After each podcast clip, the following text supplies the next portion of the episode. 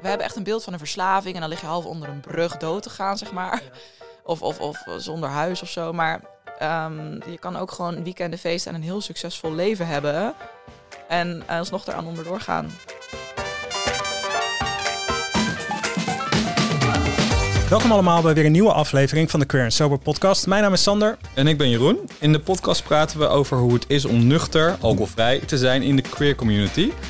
Vandaag met onze eerste gast. Ze praat over uh, bewuster leven, seks en mental health. Daarna is ze ambassadeur van Pride en laat ze anderhalf jaar al een biertje staan. Onze gast van deze aflevering is Linda de Munk. Ja, hallo. Ja, dank je. Ik heb er zin in. Ja, wij ook. Ja, ik vind het altijd zo leuk om te praten over niet drinken en zo. Terwijl sommige mensen worden er echt gek van. Maar met jullie kan ik er volgens mij eindeloos over doorgaan. Ja, we doen niet anders. Ja. Helena, we willen je graag wat beter leren kennen. En voordat we de diepte met je ingaan, gaan we eerst even speeddaten. We hebben een aantal vragen op een rijtje gezet. En uh, ja, het liefst zo snel mogelijk antwoorden. En dan gaan we daarna kijken of, dat we, of dat we een vervolgdate uh, kunnen hebben. Leuk. Om te beginnen, wat is je favoriete alcoholvrije drankje? Oeh, ik denk de Playground van Van de Streek. De okay. alcoholvrije IPA. Lekker. Ja, hè? Okay. En wel of niet zoenen met iemand die heeft gedronken? Uh, niet. Wanneer voel je het beste over niet drinken? Op een ochtend na een feestje, dus dat ik wel lekker heb gefeest, maar dan de volgende ochtend zo helemaal lekker fris wakker word. Wel of niet nuchter uitgaan? Ja, 100% nuchter uitgaan. Dansen tussen dronken mensen of nuchtere mensen? Nou, ik vind dan toch wel dansen tussen dronken mensen wel, ook wel leuk. Al ja, het, het heeft denk ik allebei wel wat. Ja. Hoe spendeer je het liefst je verjaardag? In de spa. Ah, nice. Een glaasje af en toe of helemaal niet? Nou, heel af en toe zou ik het uh, doen, ja. Heb je een nieuwe nuchtere hobby? Of in ieder geval alcoholvervangende activiteiten? Mm, ik denk dat ik nog niet eens zo heel erg mijn leven heb veranderd sinds, uh, zeg maar gevoelsmatig is het veranderd, maar qua dingen die ik doe in mijn leven niet eens. Dus ja, wat ik het echt het allerlekkerst vind om te doen is lekker sporten, yoga, wandelen. Maar dat deed ik eigenlijk ook al wel toen ik nog wel dronk. Oké, nu meer of intensiever of geniet ja, je er meer van? Ja, ik kan er wel meer van genieten inderdaad. Ja, ja, ja. Nou, dat viel eigenlijk best mee, toch? Ja, ontzettend. Ja joh. Ik ben een open boek ook, hè. Dus... Uh... hey Marlinda, vertel even. Dansen tussen dronken mensen. Waarom? Nou, kijk, ik ga nog best wel veel naar feesten en festivals. Dus ik bevind me gewoon nog wel heel vaak tussen mensen die niet nuchter zijn. En um, ja, ergens is dat kom ik nog wel altijd heel erg lekker mee in die vibe. Ik kan op zich nog wel de, op dat level komen. Niet altijd, want soms ben ik totaal overprikkeld en denk ik echt, jezus mensen, doe nou eventjes normaal met z'n allen. En waarom moet dat nou? Maar als mensen er gewoon zo'n beetje zo lekker in zitten en niet nuchter zijn, dan kan ik daar heel mooi en lekker gewoon in, in mee levelen eigenlijk. Maar uh, ik moet ook wel zeggen dat ik het best fijn kan vinden als ik dan met vrienden ben en iemand anders is ook nuchter. Dat we samen ook, dat ik iemand anders heb die dat begrijpt. Ja. Krijg je wel eens um, gekke reacties van als mensen doorhebben dat je nuchter aan het feest, feesten bent? Nee, het valt me best wel mee. Maar ik denk gewoon dat ik op een of andere manier gewoon zo overtuigd ben van mijn keuze. En ook zo overtuigd overkom. Dat mensen het ook helemaal bij mij vinden passen. En ik ben er online ook wel heel erg open over. En ik praat er heel veel over. Dus mensen weten het ook gewoon al heel erg van me. Maar als ik dan nieuwe mensen ontmoet, ja, dus ze vinden het altijd wel heel knap ja. dat ik nuchter ben. En ik sta soms heel hard te dansen. En ik heb juist meer energie als ik nuchter feest. En ja, dat vinden mensen dan wel opmerkelijk. En dan zeggen ze, ah, dat zou ik toch echt nooit kunnen. Maar ik denk dan altijd, ja, je kan het heus wel, maar je moet het gewoon willen. Nou, en je deelt je dag ook anders in, denk ik. Ik bedoel, ja. uh, je zorgt ervoor, je weet wat je vanavond gaat doen, dus je zorgt dat je energie daarvoor bewaart. Inderdaad, ik doe vaak een dutje in de middag. Uh, ja, ja, ja. Dus, disco-dutje. Uh, ja, disco-dutje. Daar ben ik heel goed in. Ik word dan uit mezelf gewoon na drie kwartier weer wakker. Heerlijk. Ja, ik ja. had laatst mijn zusje die belde me, die zei, ze had een dutje gedaan en dus toen werd ze om vier uur s'nachts wakker. Ze ging om vier uur s middags slapen. Ze werd om vier. Ja, dat is dan mooi kut. Maar ja. dat moet je niet hebben als je dan nog wel een feestje wil, naar een feestje wil. Nee. Hey, um, je bent influencer. Mm -hmm. uh, op verschillende onderwerpen zag ik. ik. Ja. Ik moet ook bekennen, heel slecht, maar ik heb je nog niet gevolgd. Ja, maar ja, maar jij bent ook helemaal niet mijn doelgroep. Nee, is ook. Nou, daarom kijk dat scheelt hoor. ja, dus ik neem je helemaal niks kwalijk hoor. Mensen zeggen dat altijd van sorry, ik ken je niet of ik, uh, ik, heb je, ik volg je niet. Maar nee joh, ik, ik maak mijn content best wel voor een specifieke doelgroep. Het zijn voornamelijk jonge vrouwen ja. van mijn leeftijd. Ik ben zelf 28, dus Ja. ik merk dat veel vrouwen, eh, twintigers mij volgen. Maar denk je niet, eh, want het gaat voornamelijk ook over emancipatie en uh, ja, feminisme. feminisme. Ja. Zou het niet ook goed zijn als jonge mannen dat zien? Ja, zeker. En ik merk het op zich ook wel aan mijn cijfers hoor. Want ik heb nu denk ik dat 60% vrouwen uh, me volgen. En dus ook nog 40% mannen. Of 70-30, zoiets.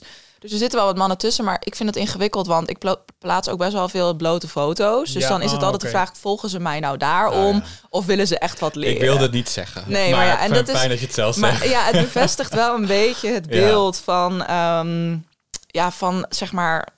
Het, het, het, het, bevestigt dat het nog steeds nodig is wat ik doe. Want ik wil heel hmm. graag met die blote foto's laten zien dat naaktheid en vooral, vooral vrouwelijk naakt niet altijd met seks of seksualiteit te maken heeft. En dat dat ook gewoon, het is gewoon een lichaam. We hebben allemaal een bloot lichaam. En waarom zou er gelijk seks aangekoppeld moeten worden? Ja. Maar die mannen bewijzen dan vaak wel dat dat dus nog steeds gebeurt. En merk je, nou, dat merk je neem ik aan aan de opmerkingen. Ja, de DM's en zo. Ja, en, uh, oude mannen. Ik had nog vanochtend een man met een profielfoto met zo'n vis in zijn hand. De die dan reageerde. Hallo schoonheid, goedemorgen. en dat, ja, dat, dat gaat gewoon gelijk de prullenbak in ja, ja ik kan me ergens ook voor. Het, ergens, het kan een lieve insteek zijn. Ja. Uh, maar ja. Ja, ik ga dat niet meer in. Daar heb ik helemaal geen tijd voor. hey, en um, het werk als influencer, uh, heeft, dat, heeft dat nog verhouding ook met alcohol? Of, of heeft dat, had je daarvoor meer of minder? Of, uh... nou, ik denk dat de, de, de, de connectie daartussen, dat dat voor, voornamelijk is dat ik het nu heel erg online deel. En dat ik anderen ermee kan inspireren. Dat, dat dus mijn sober life. Uh, ik vind dat heel leuk om er dingen over te delen. En ik merk ook dat het anderen dus inspireert. Ja. Maar verder heeft bijvoorbeeld online. Nou ja, ik denk misschien ook weer wel. Ik heb veel podcasts geluisterd over een alcoholvrij leven en zo. En ik heb er boeken over gelezen. Dus in die zin is dat online leven. Eh, ja, zeg maar. Ik, ja, ik ben ooit geïnspireerd door anderen en ik wil dat nu ook weer doen. Dus dat, dat, dat stukje van de socials, dat speelt daar heel erg een rol in. Um, maar heeft je werk nog bijgedragen aan het wel drinken? Of heeft dat nooit zo'n rol dat, gespeeld? het hele influencer zijn vind ik niet, uh, heeft er niet per se connectie mee. Tuurlijk, je hebt veel borrels en veel netwerkdingen. en in de media is, is, dat wel een ding. Maar ik denk dat het vooral was dat ik, ik woon in Groningen. Over een maand gelukkig niet meer. Ik ga eindelijk verhuizen naar Amsterdam. Jee. Dus maar ik heb vier jaar in Groningen gewoond. En dus ook echt wel twee, drie jaar lang. En ook tijdens coronatijd gewoon echt veel gezopen. En het is natuurlijk heel erg een cultuur daarvan van zuipen en drinken. En het uitgaansleven is daar heel erg leuk. En dus dat heb ik daar heb goed van genoten samen met mijn vriend. En dat was wel een moeilijke uh, stap om uit die wereld, zeg maar, daaruit te gaan en dat gewoon daarmee te stoppen. Want ik, ik vond het uitgaansleven in Groningen zo ontzettend leuk. Maar nuchter is daar echt niks aan. En hm, natuurlijk, eh, ja, het is gewoon echt. Je staat in een kroeg en het gaat echt alleen maar om zuipen. Ja, echt zuipen. En echt feesten en festivals en techno. Ik hou heel erg van techno-muziek. Dus dat, nuchter, dat is top. Dat is gewoon helemaal mijn ding. En als je echt van de muziek houdt en de sfeer, je bent natuurlijk wel echt gevoeliger voor de sfeer. Ja. Ik weet niet, hoe hebben jullie dat? Van, van, wat voor feesten houden jullie? Ik ben meer van de, van de nu merk ik, uh, de, uh, net dat je zegt, gewoon eerder, eerder een feestje dan de kroeg hoeft er mij niet echt meer. Dus uh, nu de laatste paar keer ben ik naar danseretten geweest en ik heb oh. een poging gedaan voor milkshake, maar dat kwam niet helemaal lekker uit met ah, de boot. Ja, ja, ja. Maar ik merk wel dat het de muziek is voor mij heel belangrijk. Dus uh, als de muziek niet lekker is, kom je ook niet lekker mee. Mm. Um, ik ga het liefst gewoon met mijn vrienden vooruit even indrinken. Uh, waarbij ik zelf even in oh, hun energie mee kan komen. Ah, ja, ja. En daarna stappen we samen naar binnen en dan zitten we al in een soort van energiebubbel die je gewoon mee kan dragen. Mm -hmm. maar dat vind ik ook, ja, de muziek is wel het meest belangrijk. Want als die niet goed is, ja, dan ben je snel klaar eigenlijk. Maar ook gewoon eigenlijk wel het publiek en de energie of zo. Ja, ik zeg altijd, you need good music and good people. Ja, ja, ja, ja, zeker. Ja, alleen ik, die mensen heb je nog wel controle over als je je eigen clubje meeneemt, zou maar zeggen. Dus heb je nog, maar alleen die muziek als die DJ het niet lekker doet of zo, dan heb ik wel, ben ik sneller thuis dan op het moment dat hij het wel lekker doet. Want dan kan ik opeens twee uur langer door. Precies, dat heb ik inderdaad ook. Ja, ja daar ben je dan gewoon veel gevoeliger voor. Ja, klopt. Wel normaal gesproken was dan de alcohol de drijfveer, zeg maar. Dan was dat, dan maakt het helemaal geen fuck uit of de muziek slecht is of de mensen niet leuk. Je drinkt wel en dan wordt het toch gewoon uit en ja. weer. Zo laat mogelijk ook. Want ja. Het is toch het doel om zes uur s morgens wel te bereiken. Ja, we kunnen muziek nemen, nog een gin tonic. Ah. Ja, ja, dat is wel. Dan wordt de muziek toch ineens heel leuk. Ja hoor, alles wordt prima op een gegeven moment. Hoe lang zijn jullie eigenlijk al gestopt? Ik vijf jaar. Oh ja. Vier jaar. Oh ja, jullie zijn echt wel uh, professionals. Professionals zijn niet drinken. Ja, nee, maar, maar met uitgaan is het inderdaad wel echt vroeger beginnen en vroeger klaar. Dat merk ik wel echt. Wat ook oké is, want ik vind, het, ik vind het op een bepaald tijdstip ook niet leuk meer. Mensen die raken in een bepaalde gemoedstoestand, die gewoon, ze vertellen voor de zesde keer hetzelfde, ze bompen tegen je ah. aan. Ze, ze, nou ja, en op een gegeven moment ben ik er ook echt wel klaar mee. Maar je kan wel nog meer genieten van de muziek als je echt in die vibe zit. Dat herken je denk ik wel. Als je echt gewoon lekker aan het dansen bent, lijkt het nog wel leuker, intenser dan Mhm. met drank. Ja, Ja. zeker. Ja, vind Ja. ik ook inderdaad. We hebben natuurlijk een beetje gekeken van eh, op jouw eh, TikTok en Instagram. Mhm. Eh, en af en toe doen jullie nog wel eens een drankje. Waarom doe je dat als je wel zo heel erg positief over alcoholvrij bent? Ja, Dus dat snap ik. Ja. Ehm, nou, ik moet eerlijk zeggen dat dit echt een primeurtje is. Ik heb nog nooit ergens online verteld dat ik heel soms, maar Ja. dan echt, dan heb ik het echt over één keer in het half jaar, Ja. één drankje drink. Ja.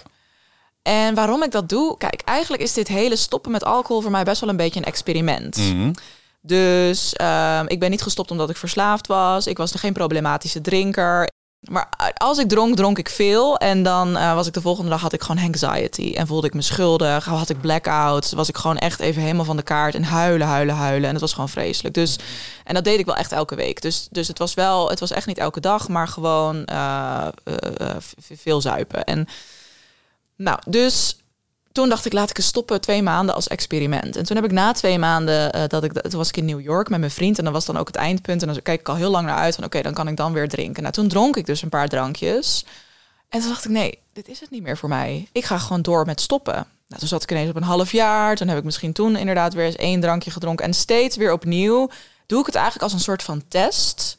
Van, hey, is het het nu wel weer voor mij? Maar en ook vooral met het idee dat ik mezelf niks wil onthouden, niks wil verbieden, omdat Mhm. het dus niet problematisch voor mij Nee, was. precies. Eh, vind ik het dus wel leuk. Dus nu is het, on- volgens mij heb ik een maand geleden één rood wijntje gedronken met mijn vriend op de bank. Ja. En is dat nog lekker? Nou, toen vond ik hem wel lekker. Ik vind het wel belangrijk, het moet wel dure wijn zijn. Want supermarktwijn, dan ga je natuurlijk helemaal niet... Nee, dat is helemaal Dat niet... is met en zonder alcohol en de supermarkt gewoon niet doen. Nee, nee, nee, Precies. Maar met wijn denk ik inderdaad, ja, heel soms, dat is dus, dat is nu een beetje mijn dingetje, denk ik, dat ik gewoon zo eens in de paar maanden. Ja, want je zegt inderdaad ook van ja, het, is, het was niet problematisch. Want ik zou denken van wat levert je alcohol dan nog op? Mhm. Maar gewoon eigenlijk omdat je het lekker vindt. Inderdaad. En, Ja. ik, en ik geloof heel vaak mensen niet die dat zeggen van ja, maar ik drink het alleen maar omdat ik lekker vind. Maar je drinkt geen vijf bier omdat je het lekker vindt. Nee. nee, nee, nee. Weet je wel? Dus, Ja. maar zo zei ik het eerst ook altijd van ja, maar ik doe het alleen omdat ik het lekker vind hoor. Het is echt heel, het is echt al een hele goede stap om eerst toe te geven van ja, maar ik dronk gewoon eigenlijk om van de wereld te zijn. Ja. Ja, Dat is wel wat ik achteraf pas kon toegeven. Dat kon ik tijdens dat ik alcohol dronk nog helemaal niet inzien. ja. Maar dus nu inderdaad ja. voor de lekker. En of een hele dure, kok, dure cocktail. Van Ja. echt zo'n dure, dure cocktail van bijna 20 euro. Met allemaal speciale ingrediënten. Dat, je, dat, weet je, dat, dat kan je gewoon niet bereiken als je dat alcoholvrij Een zou hele doen. knappe barman of vrouw die het voor je Bijvoorbeeld, maakt. ja, Dat je helemaal laat adviseren Ja. van nou, dat zijn deze smaken. Nee, dan, dan doe ik het dus he- echt heel soms. Ja, echt zo, zo super, super, super bewust. Ja. En dan voel ik ook nooit de behoefte om een tweede te nemen. Nee, want je merkt hem gelijk al. Nou, dat niet eens per se. Ja, wel ook wel een beetje. Ik voel er wel iets van, maar niet. En, en dan wil ik dat gevoel niet nog meer versterken, zeg maar. Nee, dus het gaat je niet meer om het gevoel, het gaat je alleen maar om de smaak. Ja. Ja, check. Ja. En, en dus al toch een beetje een experiment. Van even experimenteren van is het, hoe is het nu ook alweer? ja, want hoe is dat voor jou dan precies geweest? Ging je, was het wekelijks? Ging je wekelijks stappen en helemaal tot het gaatje? Of, of was het één keer per maand? Of was het... Jaren geleden wel. Ik was langzaamaan al wel aan het afzwakken. Dus op het Ja. moment dat ik stopte, was ik al een stuk bewuster. Ik was al heel sportief en ik was al heel erg bezig met mindfulness. Dus ik was automatisch al wel bewuster gaan drinken en proberen door de week niet te drinken en bla bla bla. Maar je merkt eigenlijk toch als je zodra je afspraken gaat maken met jezelf, zoals bijvoorbeeld over vanavond maar drie drankjes of ik drink door de week niet, ja, dan weet je ook eigenlijk al wel hier zit iets waar ik iets aan moet veranderen. En dan is het toch zoveel makkelijker om gewoon helemaal te stoppen in plaats van constant weer in conclave te zijn met jezelf van wat ga ik vanavond nou weer doen? En nu is dat gewoon geen optie überhaupt. Ehm, dus ja, ik heb echt een eh, wel, ik heb wel echt heftiger eh, drankmomenten gehad toen ik begin twintig was. Ja. Ja. Maar nu, ja, vanaf dat Wie je... niet, ik, zou je bij Ja. ja, dat, inderdaad. Ja, dus Ja. ook in mijn studententijd. En ik heb ook veel drugs gebruikt. Mm. En Ja. dat gaat nu automatisch, is dat eigenlijk ook een stuk minder. Want ja, het is in Amsterdam vooral ook, maar ook in Groningen. Alcohol en cocaïne gaat ook gewoon Ja. heel erg hand in hand met elkaar. Ja, zeker. Dat is een goede mix ook. Ja, dus Ja. dat inderdaad, dat is dus. En, maar sinds, eh, sinds ik dus ben gestopt met drinken, heb ik ook nooit meer gesnoven. En dat is ook echt, ja, het slaat ook gewoon volgens mij helemaal Nuchter nergens op. snuiven lijkt me nee, ook heel dat is heftig. toch echt. merkte ik Ja. zelf ook hoor. Dat ik, het was, alcohol was altijd de aanstichter. Ik heb nooit een behoefte gehad om Toch? het nuchter te doen. Nee. Eh, er zijn er andere mensen die dat wel hebben. hè. Laat dat voorop Ja. staan. En dat wil ik ook eh, verder niet wegnemen. Maar nee, ik, het was alleen maar een goed idee als ik gedronken had. Ik heb nooit nuchter gedacht. Oh, nu... eh, En dat is dus ook het lastige eraan. Dat, dat met alcohol worden je grenzen gewoon. Dus ik deed toen, toen ik echt in het begin van mijn... Dat ik dus 21, 22 was en ook nog single. Toen woonde ik ook nog hier in de buurt. En toen ging ik echt veel naar... En dan was ik soms hele weekenden gewoon aan het feesten en Ja. aan het gebruiken, zeg maar. En dat is denk ik heel herkenbaar voor veel mensen van mijn leeftijd. En ik zie dat nog steeds heel veel gebeuren om me heen. En mensen die daar eigenlijk niet van inzien dat dat heel erg is, omdat ze door de week gewoon goed functioneren. Ja. ja. En dat maakt het gevaarlijk. Dus dan lijkt het, weet je, we hebben, we hebben echt een beeld van een verslaving en dan lig je half onder een brug dood te gaan, zeg maar. Ja. Of, of, of zonder huis of zo. Maar um, je kan ook gewoon weekenden feesten en een heel succesvol leven hebben. En alsnog eraan onderdoor gaan. Ja, en je ligt ook niet van vandaag op morgen onder een brug. Het is altijd een aanloopsperiode. Het gaat heel langzaam. Uh, ja.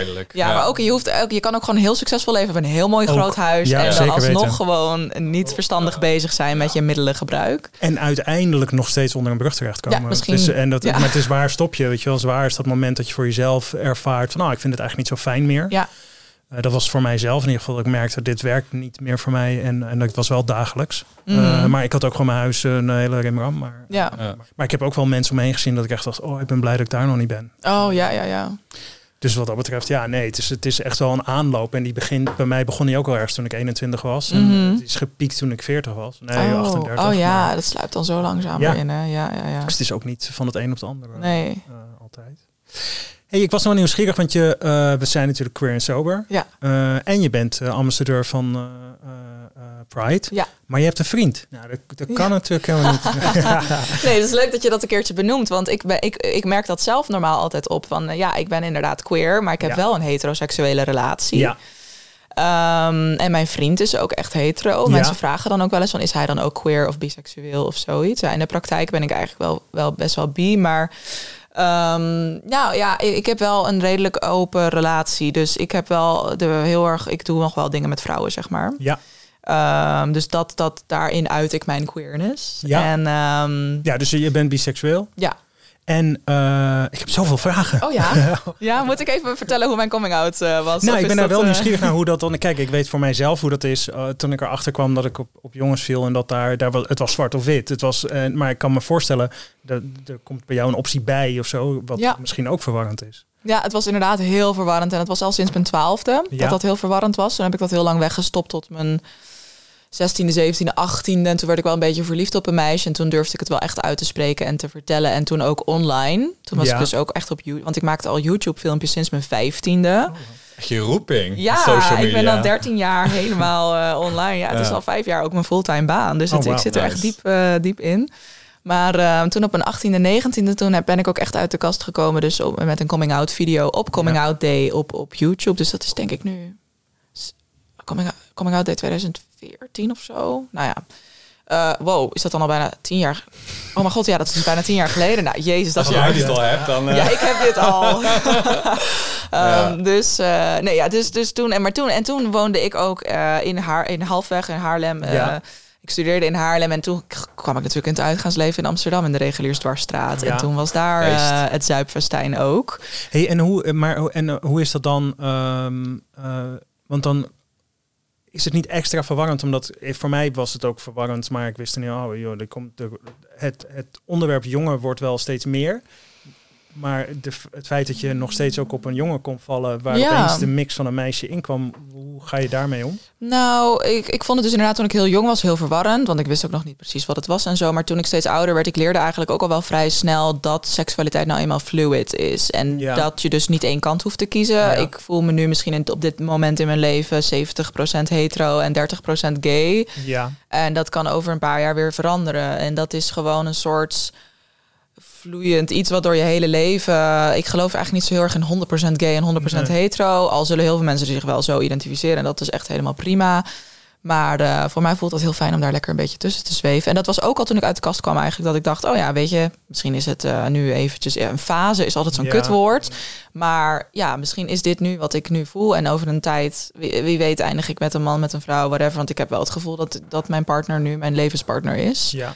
Maar het feit dat wij niet monogaam zijn, maakt dat wel een stuk fijner dat alle opties nog steeds openstaan. Want ik zou dat wel lastig vinden als ik me voor de rest van mijn leven zou moeten beperken tot een man. En zijn jullie, zijn jullie, zomaar zeggen, niet monogaam vanuit jouw behoefte om, uh, of is het, en is, als Mm, ik onder dit allemaal andere. vragen mag. ja, natuurlijk, uh, ja. En ben je dan, uh, ben je, zomaar zeggen, niet monogaam richting beide geslachten of alleen naar het vrouwelijke geslacht? Nee, ik kan, maar we hebben, ja, we zijn de stap voor stap alles een beetje steeds opener aan het gooien eigenlijk. Ja, Um, maar ik merk wel dat ik de meeste behoefte heb om, wat met, om met vrouwen wat te doen. ja. En met andere mannen heb ik niet zo niet. Maar dat zou wel kunnen komen. En die optie staat ook open. Ja. Um, en ja, ik zou dus zo graag willen dat mijn vriend ook eens wat met mannen zou willen doen. Maar dat uh, hij heeft wel eens met een man gezoend. En dat vind ik op Milkshake Festival. Dus dat vind ik heel, dat waardeer ik heel erg. Want ik vind gewoon niet dat je als hetero die nog nooit met een man heeft gezoend, kan zeggen dat je dat niet lekker vindt. Je kan ook ja. niet zeggen dat je, dat je bloemkool niet lekker vindt als je het nog nooit hebt geproefd. Weet je, dus dat, dat vind ik altijd heel erg onzin. ik geloof gewoon heel erg in experimenteren en ja. alles proberen. Um, dus ik ben heel blij dat hij dat wel eens heeft geprobeerd. En dan alsnog gewoon heel erg weet, ik ben echt hetero. Ja. Dus, uh, maar nee, ja, voor, voor ons... Um, het is niet eens per se vanuit mijn behoefte dat ik nog dingen met vrouwen wilde doen. Het is meer gewoon dat ik echt niet geloof in monogamie. En dat had ik vanaf het begin van onze relatie al. Dat ik zei van, joh, weet dat als je met mij verkering neemt... ik geloof er niet in. Uiteindelijk zou ik heel graag een open relatie willen... En uh, nou ja, dat is nu na vijf jaar zijn we daar zo een beetje. Dat gaat niet van de een, nee, op de andere dag. Hey, je zei het al in de speed dates van um, ja, zoenen zonder drank. Was je heel resoluut. Um, hoe is dat nuchter zoenen, seks? Mm, ik weet nog zo goed het moment. Dus dat ik voor het eerst met een, met een vrouw zoende in, op een feestje. Met dus iemand die niet nuchter was. Ja. Terwijl ik, trouwens, eigenlijk was het meest bijzondere dat ik zelf voor het eerst zoende terwijl ik nuchter was. Want ja. normaal gebeurde dat soort dingen gewoon natuurlijk veel makkelijker ja. als je wat op hebt. Maar zij had wel wat op en ik merkte eigenlijk vrij snel, nee, wij zetten zo niet op één level. Zij was veel te gretig ja, ja, ja. en misschien was dat ook wel gewoon haar persoonlijkheid en was ze dat ook geweest als zij ook nuchter was geweest. Maar nee, ja, het is echt wel moeilijk om echt in die flow te komen en ook niet bezig te zijn wat andere mensen van je denken. Want ik was ook, in, dat, dit was in Groningen en als twee vrouwen dan staan te zoenen, ja, oh, daar word je toch ook zo moe van. Dat mannen die dan zo, uh, oh mijn god, ik kan, en dan helemaal als je nuchter bent, als je dan dronken bent, dan heb je misschien niet echt door, maar ik ben dan nog zo alert met wat er om me heen gebeurt. Ja. Dus ik vind dat wel echt een uitdaging. Maar sindsdien is het nog wel een paar keer vaker gebeurd. Maar niet ook weer niet. Op Tropicali, dat is ook een heel ja. leuk gay festival. Heb ik nog met een chick gezoend. En nu op Lowlands ook wel. Maar nou ja, Nee, het, en met andere mannen heb ik ook, is ook nog niet echt heel erg gebeurd. Dus, dus nou, het is, een, het is een uitdaging en ik, heb er, het, ik, ik hou er niet zo heel van als mensen dan echt zo naar de kloten zijn. En binnen je relatie, hoe is zeg maar intimiteit nu? Is dat, is dat ook veel meer nuchter? Was dat sowieso al nuchter? Mm, of? Ja, het is inderdaad een heel... Hebben jullie eigenlijk allebei een relatie? Nee. Nee, oké, okay, lekker. Dus dat is ook wat chill als, als single. Want dan heb je tenminste niet te maken met een soort van tweede partij... die er ook nog allemaal dingen over kan vinden. Ja, nee, klopt. Nee. Want dat vond ik in het begin dus wel echt een uitdaging. Mijn vriend schrok er best wel van dat ik wilde stoppen met drinken. Want dat, en dat zorgde voor best wel wat spanning. Dus... Maar hij schrok er meer van dat je niet wilde drinken dan dat je biseksueel was. Ja, ja dat biseksueel, dat wist hij al heel lang nee, voordat we verkeer. Ja, inderdaad wel mooi. Ja, ja, ja, mensen vragen dat ook altijd. Wat vind je vriend ervan dat je biseksueel bent? Maar hij weet gewoon eigenlijk niet beter. Hij wist dat nee, al ja, lang. Precies. Um, maar um, nee, dus, dus dat was best wel een moeilijk puntje. Want je bent toch samen gewend. Wij hadden heel erg dat we samen uitgingen. Dat we samen gingen zuipen. En die dronken avonden waren natuurlijk ook echt fantastisch samen. Mm. En het stond heel erg in het teken van het begin van onze verliefdheid. En dat we voor het eerst die gesprekken durfden te voeren over dat we verliefd waren op elkaar. was allemaal met drank ja. op. Dus je hebt echt een soort patroon samen opgebouwd van samen drinken. En dan op een gegeven moment je gaat op date lekker. En je bestelt lekker een flesje wijn. Ja, en dat hoort er dan toch allemaal heel erg bij. Dus dat vond hij wel eventjes moeilijk toen ik zei, ik ga stoppen met drinken. Hij denkt natuurlijk gelijk van, oh nee, dan kunnen we dat allemaal niet meer doen. Ja. En in het begin was dat ook heel moeilijk. Dus toen ging ik die dingen ook vermijden. En ik ging ineens niet meer mee op stap naar de vaste kroeg waar we altijd gingen. En, en, ik ging, en we gingen dan uit eten, maar dan dronk ik een cola. En nou ja, hij deed dan soms wel mee. Dat vond ik heel fijn. De eerste twee maanden was dat best wel even pittig. En toen hebben we er gewoon ook heel veel over gepraat. Hij was ook gewoon heel bang dat ik te streng was voor mezelf. Ja. En dat ik te, een control freak daar te controlling over was. Maar ik heb hem gewoon heel vaak moeten uitleggen. Luister, dit is gewoon zo belangrijk voor mij. En uiteindelijk heeft hij daar, gaat hij daar zo goed mee om. Hij is er ook helemaal door geïnspireerd. Hij okay, drinkt cool. zelf nog wel. Maar um, is wel een stuk bewuster gaan drinken. Maar ik merkte ook voor ons seksleven. Je weet je, die, die seksuele avonturen. Dat je bijvoorbeeld. Ik heb wel eens een moment gehad dat ik hem heb gepijpt in het Vondelpark of zo. Ja, dat doe je echt niet nuchter Gewoon hoor. normaal toch? Nou, wel, ja, wel dronken. Uh, ja, toch? Dat doe je toch? Ik heb dat we naar huis liepen dronken van een ja. feestje. Ja, en dat, dat je dan ergens ja. in de borstjes gaat. Nou, dat doe je gewoon niet Nee. als, je, Nee, nee, nee. als je nuchter bent. Dan denk je veel langer na van. Oh nee, wat nou als er iemand komt. Precies, we, zijn bijna thuis. Dus, Ja, dat inderdaad. En, en al die avontuurtjes dus. ehm, ik ben ook heel benieuwd voor de luisteraars wie herkent dit. Want ik, ik denk dat iemand... Is, ik ben, kan toch niet de enige zijn die dit ooit heeft gedaan? Oh nee hoor, ik heb eh, d- dronken het nodig gedaan wat ik nuchter nooit zou doen. Uh, en, en ook dat soort dingen, begraafplaatsen, parken. Uh, oh my god, begraafplaats. ja, dat is wel... Ja. ja. met Halloween of zo. Of, of bijvoorbeeld op een Dixie, op een Dixie, op een festival. Oh, nee, maar, ja, oh, nu zou ik dan veel te veel afgeleid ah, nuchter, zijn. gadverdamme, ja. dat echt niet... Nee. Toch, dan denk je veel te veel na over... Oh, dit is eigenlijk best wel vies. Terwijl als je dronken bent, boeit dat je allemaal. Nou, je komt zo dronken al aanlopen op dat ding en dan valt het allemaal mee. Maar als ik er nu nuchter op zo'n festival... was ik ook bij Tropicali en, en ik kom daar zo op aan en het stinkt en het is... En mensen lopen er allemaal zo zwalkend zo'n beetje... half hun broek dicht doen. Zo zwalkend terug. ook nuchter je tent in weer. Dat, uh, dat was voor mij ook heel raar. Want ik ben ja. vaak naar Lens en alles geweest. En dan kom je nuchter je tent in. Dat moest voor jou ook wel... Had jij dat ook, dat nou, je je tent komt en denk oh...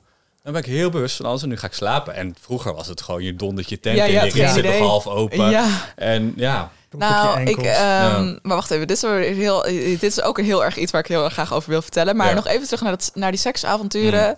Um, nou, eigenlijk had ik het daar al wel weer een beetje mee afgerond. Ik denk eigenlijk dat, dat, dat het heel het is een uitdaging om daarna in je relatie alsnog weer spannende, geile, gekke, leuke dingen te ontdekken. Mm. Nuchter. Uh, Want heb je, heb je zelf ook. Ik, wat ik merkte is dat ik ons nog bewuster werd van mijn lichaam. Ja. En eh, zowel positief ook als negatief. Dus mijn eigen soort van bewustzijn van mijn lichaam. Tegelijkertijd de ervaring die ik had was wel veel intenser. Mhm. Wat ook wel weer een soort van. Oh, uh, um, hoe was dat voor jou? Dat die eerste keer de volste sensatie ervaren, zullen we zeggen? Mm, ja, dat, dat vond ik ook wel inderdaad bijzonder. Je ervaart het inderdaad meer. En, maar ik kan soms ook weer sneller in mijn hoofd gaan zitten. Ja, ja. En dat, dat, dat vind ik dan ook heel oneerlijk tegenover mezelf en tegenover hem. Dus dat geef ik dan altijd aan. Ik zou nooit door, want dat is dus echt een struggle bij vooral heel veel vrouwen. Maar ik, misschien hebben mannen dat ook wel.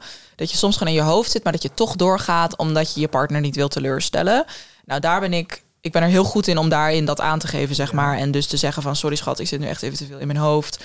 En ja, daar kan alcohol ook wel bij helpen. Voor heel veel mensen is dat dan wel de manier om echt even alles te kunnen loslaten tijdens de seks. En inderdaad minder bewust te zijn van hoe je lichaam eruit ziet. Daar heb ik gelukkig niet zo heel veel moeite mee. Ik ben best wel gewoon heel erg. Uh, ik heb een heel realistisch, positief zelfbeeld eigenlijk wat dat betreft. Um, maar toch ja, zit ik dan alsnog wel eens in mijn hoofd. En uh, nou, dat geef ik dan gewoon aan. En dat is dan helemaal oké. En dan gaan we lekker knuffelen. En dan is het ook gewoon prima. Ja. Uh, maar ik heb en echt kan het vanuit daar ook misschien ook weer ontstaan. Inderdaad. Je weer even, ja, maar ik heb echt veel intense momenten, momenten gehad. En ik moet ook wel eens huilen na de seks. Dat is ook voor vrouwen heel normaal. Ja. Uh, tenminste, ja, dat kan. Als je dat ervaart, is dat heel normaal. En dat is juist omdat er dan zo'n, zeg maar, seks is al zoiets kwetsbaars en iets uh, waar veel ontlading bij komt kijken. Ja. Um, en, dat, en dat is soms voor mij een manier alsof dat dan even iets heeft. Dat maakt er gewoon iets los. En huilen is dan niet omdat ik verdrietig ben of uh, maar gewoon loslaten. Oh, wow. En dat is heel fijn als je dat. Uh, dat heb ik denk ik, had ik ook wel toen ik nog wel alcohol dronk. Maar sowieso in een relatie heb je natuurlijk al heel vaak nuchter seks. Maar met one night stands bijvoorbeeld, kan me nog niet voorstellen dat ik dat ooit nuchter zou doen. Nee. Dat lijkt me super spannend. Ja, ik heb het nu wel gedaan, maar het is super intensief. Ja, hè? Zoveel bewuster en en en van En het lukt toch uh, bijna eigenlijk niet om iemand dan van een feestje. Ik heb laatst nog, ik heb laatst trouwens een one night stand gehad met een vrouw, of dat is eigenlijk uiteindelijk een beetje een friends with benefits geworden, maar die heb ik dus opgepikt uh, ik, moest er, ik moest een TED-talk geven en zij zat in het publiek. Oh, wauw. Ja, en dat verwacht je dan toch helemaal niet? Dus toen, en toen hebben we uiteindelijk gewoon midden in... Het was een maandagnacht, hebben we midden in de nacht gewoon... Uh, van uh, één uur s'nachts tot, tot half drie s'nachts of zo... zitten tongen ergens aan het water. Nice. En toen een andere keer heb ik met haar een seksdate gehad. Maar dat, ik heb dat ook heel erg tegen haar uitgesproken. Van ik vind dit fucking spannend, want ik heb dit nog nooit nuchter gedaan. Ja, ja, snap ik wel. dus want je linkt dat zo erg aan elkaar. Als je begint met uitgaan en je hebt je eerste one-night stand ever... dat is toch sowieso altijd dronken. Ja. Mag ik nog, want je gaf het al even aan dat je tijdens de stappen sta je met een vrouw te zoenen en dat mannen daar dan heel erg op reageren. Mhm. Hoe is het voor jou überhaupt? Uh, kijk, want zelfs als, als, als homo zeggen we best wel veel, ja, we willen ja. gewoon geen keuze maken. Dus ik kan me voorstellen dat je, nou, hetero's zullen daar ook een mening over hebben. Dus dat je heel erg tussen twee vuren een soort van in staat. Uh, ervaar je dat ook zo? of valt dat in de praktijk wel mee? Ik heb daar ook wel, ik ben ook wel heel goed in daar niet zoveel omgeven wat andere mensen van, me, van daarvan ja, vinden. En, ik, en omdat ik zelf ook wel heel erg diep in het onderwerp zit en zo'n feminist ben en ook gewoon best wel activistisch, weet ik gewoon heel goed dat biseksualiteit ook gewoon net zo'n volwaardige seksualiteit is. Dus nee, daar heb ik eigenlijk helemaal niet zo heel veel, uh, heel veel last van. Maar ik weet dat dat wel een ding is hoor. Dat, hm. dat heel veel biseksuele mensen zich niet serieus genomen voelen door de gay scene en de hetero's. En dat je daar maar een beetje nergens bij hoort. Ja, want er zijn inderdaad, ik, ik weet nog wel dat ik zelf uh, het eerste jaar zei, dat ik dat gewoon als excuus gebruik. Want dan was het, oh, dan is het nog niet zo erg, dacht je dan in je hoofd. Maar dat lijkt me, lijkt me oprecht irritant voor mensen die wel oprecht uh, biseksueel zijn. Ja. ik kan me voorstellen dat als iedereen een soort van zijn coming out heeft als bi, om uiteindelijk altijd homo te worden, of, of mm. altijd lesbisch te worden, volledig, dat mensen dus denken, ja, maar de bi, bi is maar een overgangsfase. Maar heel chill dat je daar gewoon lekker geen uh, waarde aan echt. Ik vind het zo heerlijk. Ik zou, ik, in mijn ideale wereld is iedereen gewoon biseksueel. Jezus, waarom moeten we nou gewoon iemand? Waarom kies je nou één kant? Ja, ik vind dat zo nergens op slaan. nee joh, dat is toch gewoon lekker makkelijk. En uh, ik heb inderdaad wel veel gay vrienden die inderdaad eerst uit de kast kwamen als bi. Ja. Dus dat zie ik wel vaker, ja. Ja, nou, dat was ook okay. makkelijk. Het was op één been, een soort van één been in en de andere been nog gewoon vertrouwd. Uh, net niet. Dat voor vrouwen, bij vrouwen zie ik dat niet. Nee? Vrouwen zijn toch makkelijker biseksueel, denk ik. Ja, dat masculine en ik, macho ik wil echt weten waar al die bi-mannen zijn, want ik vind biseksuele mannen dus mega hot. Maar ik, zie ze nergens, ik kom ze nergens tegen. Waarom vind je? Ja, ik vind dat gewoon eh, eh, sowieso omdat ik kan levelen dan. Dat je gewoon allebei datzelfde, daar hetzelfde in staat. Ja. Ja, en ik vind mannen die op mij vallen, maar ook met mannen seksuele dingen willen doen, vind ik gewoon. Ik wil gewoon heel graag een keer een trio met twee mannen. Ja. Maar dat gaat met mijn vriend niet gebeuren. dus uh, tenminste, nee, dat ja, misschien. Maar nou ja, dat moeten we nog maar eens gaan zien. Oké. Nou, nou, bij deze de oproep gedaan, dus. Ja, ja. Precies. Laten we dan nu wel naar de festivals. Ja, leuk. Ja, de tent. Oh ja, de tent. Ja, de tent. Nee, maar um, ja, de, was Lowlands jouw eerste keer helemaal meerdaags? Uh, ja, meerdaags. Ja. ja. Was inderdaad mijn eer. Vorig jaar, eh, nu heb ik dat twee keer inderdaad nuchter gedaan. Ja. En wel ook twee keer op de glamping. Ja. Dus ik heb dan heel bewust gekozen om een vooropgezette tent met een normaal bed op de rustige glamping. Niet in de chaos camping waar iedereen. Nee, waar iedereen soort van. En wat is camping 4? Volgens mij de Keta camping. Waar iedereen zeg maar tot acht uur s ochtends aan de Keta zit. En zo. ik ben nog nooit op Lowlands geweest. Dus je hebt een Lowlands, je hebt dan verschillende campingterreinen. Ja, het is wel uh, allemaal één groot terrein. Maar het is om het, het, makkelijk te maken, heb je het genummerd. En dan ergens achterin bij de groepscamping heb je ook de, het glamping gedeelte waar je alleen met een bandje op mag. Waar niet zomaar iedereen mag komen. Oh, waar ook een spa en een sauna is. Oh, en gewoon rust, oh. waar het rustig is. Oh, maar dat klinkt chill. Ja, dit is mega. voor jou. Ja. je boekt daar gewoon. Uh, kijk, mensen vinden het duur. Ja, je betaalt er wel echt nog iets van 400 euro per persoon extra op het festival. Voor het hele weekend. Ja, dus je hebt je festivalticket van 300 euro en dan nog eens 400 euro extra. Maar eigenlijk, het is voor vier nachten. Dus het is maar 50 euro per nacht. Dus als je vergelijkt met een hotelkamer, vind ik het echt niks. En daarnaast heb je alles meegekregen. Je hebt er oprecht van genoten. Je hebt zelf je keuze gemaakt. Je bent niet als een, een laveloos stuk vreten. Ja. ja, dat vond ik vooral belangrijk. Ik kan dan echt niet in die chaos Ja, want ik kan me voorstellen dat je bij dag 2 of zo ben je nog, heb je een kater van de dag ervoor. Dus dan begin je al 1-0 achter. Dag 2 begin je 2-0 achter. Want je, je dus dat is ook wel. Als je dan ook uh, behoefte. Ik ben, ik ben nuchter naar Down the Rabbit Hole geweest. Oh en ik merk dan dat je dan zocht, ochtends. Ja, oh, sowieso als je nuchter bent, dan heb je gewoon zin in dingen. Oh ja, mega. En ging je dan ook naar de, naar de yoga aan de week? Wat allemaal op Lowlands? Of heb ik, heb één keer, ik heb één keer yoga gedaan. Ik had me wel voorgenomen. Dan, ze hebben dan echt een yoga sessie met heel veel mensen bij een grote tent. Ja. Nou, dat, ik ben wel echt een, ik ben echt een echte yogaer, een echte yogi. Ja om dan een beetje zo'n soort van amateuristisch in zo'n grote groep. Dat is, had ik niet zo'n zin in. Maar ze hebben wel nog een kleinere yoga plek. Heb ik toen aan het, op de laatste dag toen ik al helemaal. Want ook, tuurlijk, je wordt alsnog naar de kloten. Want mm, juist als je nuchter feest, ja. je lichaam doet gewoon pijn. En als je gebruikt, dan voel je dat die pijn niet. Precies. Maar ik had zo'n last van mijn onderrug op een gegeven moment. Dus toen heb ik de laatste dag nog yoga gedaan. nou, dat is echt een aanrader. Maar nee, ik heb inderdaad zin in. En waar ik het meest zin in had, was het eten. Ja. En daar heb ik echt een project van gemaakt. Ik heb gewoon helemaal uitgezocht, oké, welke eetentjes zijn er? Je hebt van tevoren die Lowlands app. Ik heb wel al die eetentjes gefavorite ja, van waar ik heen wilde. Inderdaad. En, um, en daar had ik helemaal zin in. En je wil ook gewoon eten. Want als je aan de drugs gaat, heb je geen zin om te eten. Als je drank drinkt, dan boeit het je eigenlijk niet zoveel wat je eet. Maar als je maar gewoon gevuld wordt. Ja. En ik dacht gewoon, ik ga echt voor die culinaire experience. En dat is toch zo leuk. Ik heb daar heel van Lowlands is fantastisch. Al die verschillende. En, je, en het scheelt heel veel geld als je niet geld uitgeeft aan drank. En dan ja. kun je lekker uitgeven aan eten. Zie je meer nuchtere mensen daar of ben je alleen? Nee, ja, wel eens. Ik kom wel eens nuchter iemand tegen, ja. En is dat, ben je dan instantly bonded of zo? Ja, nou, klinkt als een alien of zo. Ja. Wow, nuchter iemand op Lowlands. Ik denk dat ik wel een paar mensen heb gesproken. Uh, of, dan, of dat ik echt letterlijk werd herkend en dat iemand dus zei... ik feest, ik ben ook de hele weekend nuchter. Oh, dat is zo cute. Ja, dus dat is dan heel leuk. Je, hebt niet, ja, je kunt er even lekker over kletsen. Dat is wel heel fijn ben niet gelijk best friends of zo. Maar nee, precies. maar je gaat dan echt. Ben je wel met andere mensen nog die dan wel gewoon drinken? Of zijn er andere mensen met jou die dan ook zeggen van. Ah, mm, ik ben dan wel met mensen die ook drinken. Maar ik ben dan vooral ook met mijn vriend samen. En hij uh, gaat gewoon ook niet echt naar de kloten. Ben ik heel blij om. Want ook toen ik nog wel dronk en we dronken samen, dan was ik de helemaal lam en, naar de tering. Maar dan was hij nog altijd, ook al had hij net zoveel drankjes gedronken, hij kent gewoon heel goed zijn grens. En hij, hij, hij wordt gewoon nooit, zeg maar, dat hij helemaal uit, uh, dat hij helemaal zo onaanspreekbaar lam is. Dus dat is echt heel fijn. Ik merk zelf ook wel, ik was zelf, zelf altijd de aanstichter. Dus ik, oh ja? ik, ik, merk dus nu ook dat, dat er mensen om me heen al wel drinken, maar de echte helft van wat ze deden als ze normaal met mij waren. Want oh. ik was al een soort van, ik bepaalde het tempo kennelijk. Of, uh, wat interessant. Ja, dus ik was ook wel echt zo'n, zo'n ik was wel echt een gangmaker ook hoor. Ja. Dus ik was, ik, ik nam wel initiatieven en dan kom we gaan dit doen of kom we nemen dit drankje of ja, ja. nog even door, nog even ja, naar die, neem die derde fles nou ook maar mee, want je weet toch dat de eerste twee al opgaan, dat soort dingen. Weet je, Ah, ja, ja, ik was altijd wel de. Uh, Oh, dus ja. nu dat mensen in mijn omgeving, ik heb er eigenlijk ook niet zoveel last van als ze drinken, omdat uh, als ik er maar en zij drinken bij lange na niet wat ik dan dronk, dus dat, dat valt ook wel mee. Ja, interessant. Nou, het is misschien wel een goede om een keer Lowlands te gaan doen. Ja, het is echt leuker. Maar Down the Rabbit Hole is denk ik vergelijkbaar. Daar heb je ook een glamping, diezelfde soort glamping organisatie. Ja, nou, ik was aan het werk. Het was wel heel cool. We waren met niks en niks. We hadden Ah. een alcoholvrij bar. Ja. Dus ja, de hele tijd allemaal alcoholvrije drankjes natuurlijk. Mega echt leuk. Super chill. Ja, Maar ehm, Lag jij ook op een glamping? nee, ja, ik lag Oh. op een kut. Nee, maar dat was, dat was wat ik zei. Je bent zo bewust.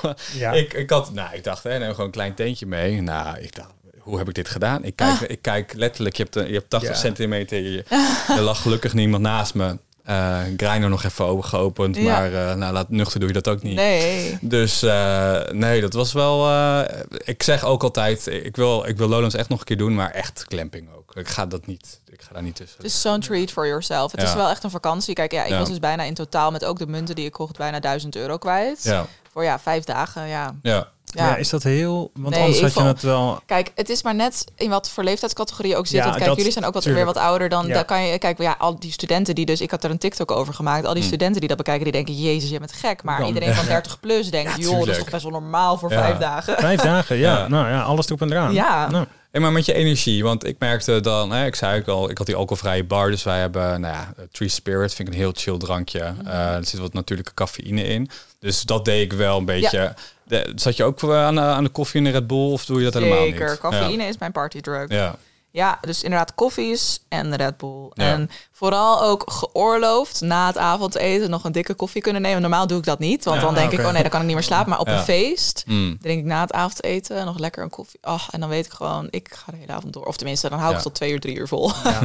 En hoe overleef je het verder eh, meerdere dagen op zo'n festival? ik moet heel erg wel inkomen. En ik merk dat de nachten zwaar zijn. Mm. Je wil heel graag ook het nachtprogramma. Want dat is het ding aan Lowlands. Het nachtprogramma gaat ook gewoon tot vijf uur s ochtends door. Mm. En er is Oh. zelfs één tent, de 24 uur tent, die helemaal forever doorgaat.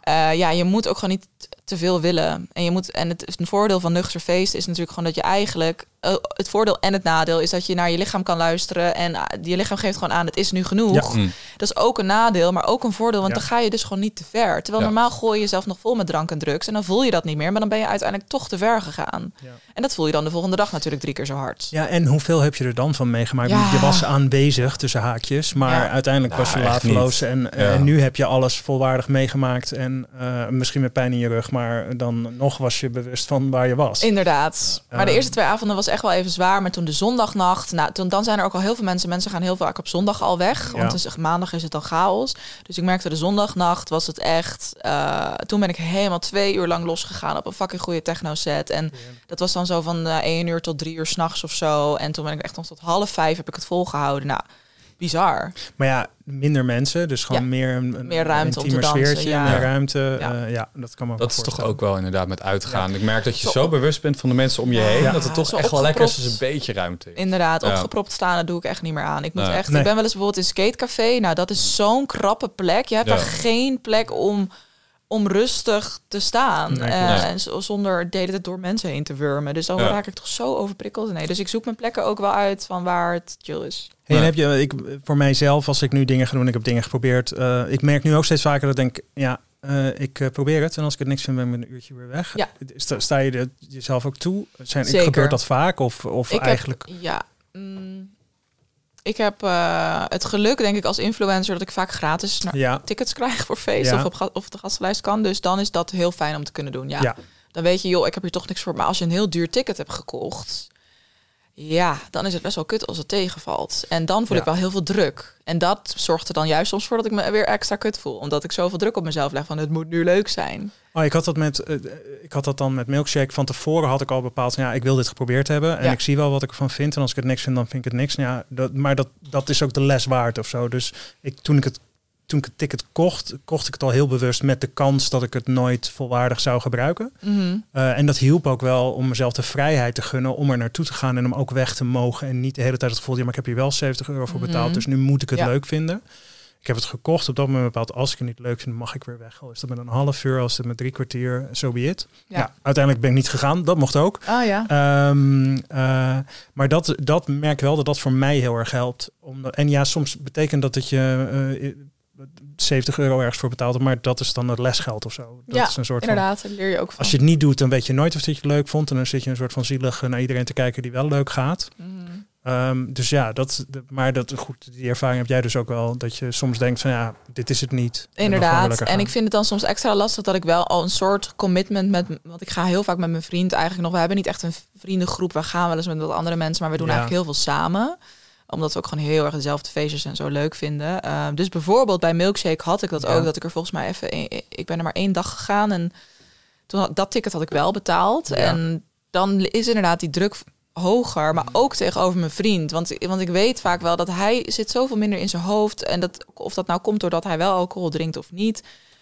Dan voel ik me ook een beetje verplicht naar hem toe Ja. om te blijven. En hij zit er soms ook wel heel erg mee. Dat ik soms, ja, het is echt lastig. Je, het, het hele moeilijke aan nuchter feest is niet van de alcohol afblijven. Want dat Nee. denken mensen vaak. Ja. Dat, dat, dat dat dan mijn struggle is. Maar mijn struggle is meer van wow, al deze mensen die gebruiken allemaal dingen en daardoor hebben ze het heel erg leuk en ik doe dat niet. En ja, ik voel helemaal niet de behoefte om dat te doen, maar ik kan, kom nu niet op een level met ze. En dan ga je je hoofd gaat Ja. gewoon, en heb ik Ja. het nou niet leuk zonder? Maar dat En is het, hè? Kan ik het dan Als je niet? dat En- loslaat en in de muziek Ja. gaat, niks aan hand. Inderdaad, maar Ja. toch, het is soms ook gewoon moeilijk inkomen, want het zijn veel prikkels Mm. en Ja. ik heb gewoon echt even wat langer de tijd nodig om erin te komen. Ja. dat zijn allemaal dingen die er meespelen.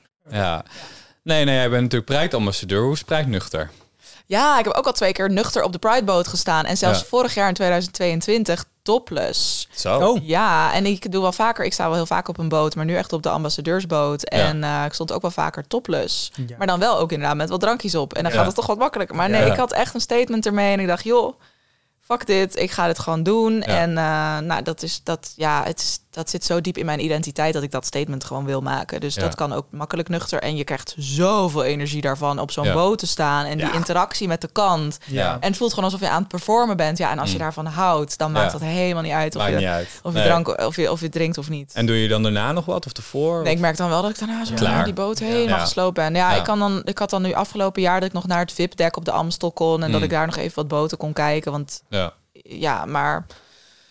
ehm, ja, mensen vinden dat wel opmerkelijk inderdaad. En ik merk ook vooral wel heel erg in de gay scene... is natuurlijk drank- en drugsgebruik ook bijna nog, nog genormaliseerder... dan in de hetero-maatschappij. Ja, ja. En dat is toch wel echt eh Ja, opvallend. jij ervaart natuurlijk misschien beide meer nog dan dat wij doen. Mhm. Maar dat is dus ook echt zo. Je, dat, zo ervaar je het ook wel echt. Dat het binnen de... het is een de, ander soort manier van gebruiken, heb ik het gevoel. Ja, en hoe bedoel je dat? Ehm, er worden andere middelen. Ik zie in de gay scene natuurlijk heel veel GHB ja, en Ja. cocaïne ook. Maar in de hetero-wereld is ook veel cocaïne eigenlijk.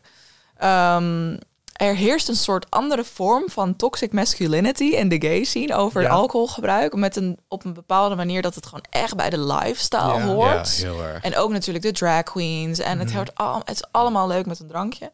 Terwijl in de hetero scene ehm, is het ook een soms de- bij de mannen onderling een soort vorm van toxic masculinity. Van oh, doe nou even een biertje mee. Maar niet zo heel erg diep alsof het bij de lifestyle hoort. Ja, ik weet niet zo goed hoe ik het verschil moet duiden. Maar ja, het is wel een... Het is wel grappig om dat van jou te horen. Want ja, dit is ongeveer de reden waarom, waarom ik Queer and Sober ja, heb opgericht. snap ik. Ik vind het Ja. ook supergoed. Ja. Ja, dus dat... eh, maar grappig omdat het andere en hoe ervaren jullie dat dan? Ja, jullie staan natuurlijk met allemaal nuchtere mensen op de boot. Ja, ja, nou, super. Ik had dat nog nooit meegemaakt. Eh, en ik wist wel, ja, wordt vet. Ehm, maar ik was helemaal overweldigd wel die eerste 30 minuten. Dacht gewoon, want je weet hoe vet het is. Maar al die mensen, het voelt inderdaad, iemand zei het al. Het is net alsof je Madonna bent en dan de arena keer 10. Nou, dat is gewoon waar. Dat is gewoon echt zo. Zo voelt dat. Dus ja, super Ja, en het is ook de combinatie met het feit dat je het natuurlijk zelf georganiseerd ja, hebt. er was super veel stress. En dan ging de, de muziek uh, deed het uh, tot 10 minuten van tevoren niet. En dat was dan allemaal... Maar goed, het, uh, het was fantastisch. Hey, ik kom volgend jaar graag op jullie boot uh, ja, als het mag. Als ik niet uh, weer op de Pride... Dat. Ik denk namelijk niet dat ik weer op de Pride ambassadeur... Nou ja, goed. Dat is allemaal wel lekker. Nee, welkom sowieso. Leuk. Nou, we hebben het vernomen dat jij een hele goede tip hebt... om toch je favoriete DJ te kunnen zien... op de laatste uurtjes van de avond als hij draait. Mm. Zorg je ervoor dat je dat, die uurtjes toch meepakt? Nou, ik, um, ja, ik, ik heb dit een paar keer geprobeerd. En dat is dus vooral bij nachtfeestjes. Ja, ik weet niet hoe het met jullie zit, maar ik hou dat gewoon niet meer vol. Nee. Ik feest het liefst overdag en dan tot, tot, tot een uur of elf s'avonds en dan lekker op tijd in mijn bed. Mm -hmm. Maar er zijn ook nog best wel coole nachtfeestjes waar dan bijvoorbeeld een DJ pas om vijf uur of zes uur s ochtends op de line-up staat. En terwijl het dan wel een hele vette DJ is. Want vaak bouwen ze zo'n feestje ja. natuurlijk een beetje op en dan ja. staat de beste DJ aan het eind. Ja. Dus toen, ik heb nu inmiddels een paar keer al dat ik zo uh, lekker gewoon om tien uur s'avonds ben gaan slapen. En dan mijn wekker heb gezet om vier uur. En dan uh, gewoon nog, uh, ja, soms zijn er van die technofeesten die echt wel tot zeven of acht uur s ochtends duren. Dus dan kun je nog net zo van vijf, vijf uur s ochtends tot zeven of acht uur nog even een paar uurtjes feesten. En dan is het net alsof je een soort morning rave aan het doen bent. Want ik, ja, Oh, ik ben echt een ochtendmens. Ja. Dus ik hou daarvan. Ook, Ja. ook als ik gewoon. En vooral in de zomer, als het dan vier uur s'nachts is, dan komt, komt de zon al bijna op. Dan Ja. ben ik helemaal excited om de zonsopkomst te zien. Terwijl normaal, als je net klaar bent met dat Mm. feestje, is het helemaal kut. En mijn vriend is bijvoorbeeld ook DJ. Dus dat Ah. heb ik ook wel eens gedaan. Als hij dan het laatste uurtje ging draaien, dan. eh, Ben je wel eens eh, naar, naar Daybreaker geweest? Ken je dat? Nee, ik ken het wel, ja. Ja. En er is nu ook, er, zijn, er bestaat natuurlijk ook aesthetic dance, wat Ja. ook gewoon nuchter en overdag Ja. is. Maar Ja. je hebt ook een aesthetic morning rave. Eh, Er zijn Ja. heel veel dingen in Amsterdam die worden georganiseerd dat je gewoon lekker nuchter kan dansen. Ja. Dus Maar Ja. is Dus dat dat niet wordt helemaal leuk als je in Amsterdam verhuist. zeker, al die ja, zo'n zin in. Ja. En het hoeft helemaal niet eens meer per se een spirituele ervaring te zijn. Het is ook gewoon meer leren, nuchter leren dansen is Ja. wel... Is Ja. echt een aanrader. maar dit is ook echt een ding. Niet Ja. iedereen kan dat zomaar. Maar het is wel echt een... ah, Ik denk echt bijzonder om te leren. Ja. Ja, zeker. Ja, Ja. mooi. Ja, I love it, nuchter dansen. ja hè? Ja, Absoluut. heb ik echt ook ja, moeten twee leren. keer gedaan dit weekend. Ik ben nog moe. Nee. Oh ja, waar was je dan? Nou, we waren, dat heet vroeg pieken. Ah, ja, dat, dat? ja in. Leiden was het toch? Ja, en ik dacht, nou ja, dat is, dat is ideaal, want je bent inderdaad vroeg klaar. Nou, om negen uur stond de dansvloer vol. En, Ja. eh, en we hadden een uh, Queer Sober Halloween eh, feestje bij iemand thuis georganiseerd. Ja, ook lachen en iedereen ging erop. Ik had een vriendin die ook naar vroeg pieken ging, maar ik hoorde dan alweer die muziek. Nou, dat soort muziek moet je mij niet tussen zetten. Nee? Ja, de guilty Nee, pleasures, I love nee. it. Nee? Nee, oh nee, Abba. Ja, oké, Abba kan ik Oh, nog wel een beetje, vind ik dan nog wel leuk. Maar verder, nee, nee. Nee? Nee. Oké. Nou jongens, dit was hem alweer. Ja, De tweede aflevering. Hopelijk houden jullie Dry January nog een beetje vol. Linda, super bedankt voor je openhartigheid en voor het gezellig gesprek. Heb je nou een leuke vraag voor haar of voor ons? Eh, stuur die dan vooral in. Dat kan via onze Instagram, at queersobercast of at eh, queersoberclub. Of mail naar podcast.queerandsober.org. En mocht je geïnteresseerd zijn of nieuwsgierig naar onze onderwerpen, kijk dan even op onze site queerandsober.org of op onze Instagram, at queersobercast. Bedankt voor het luisteren en tot over twee weken. doei! Ciao. Doeg!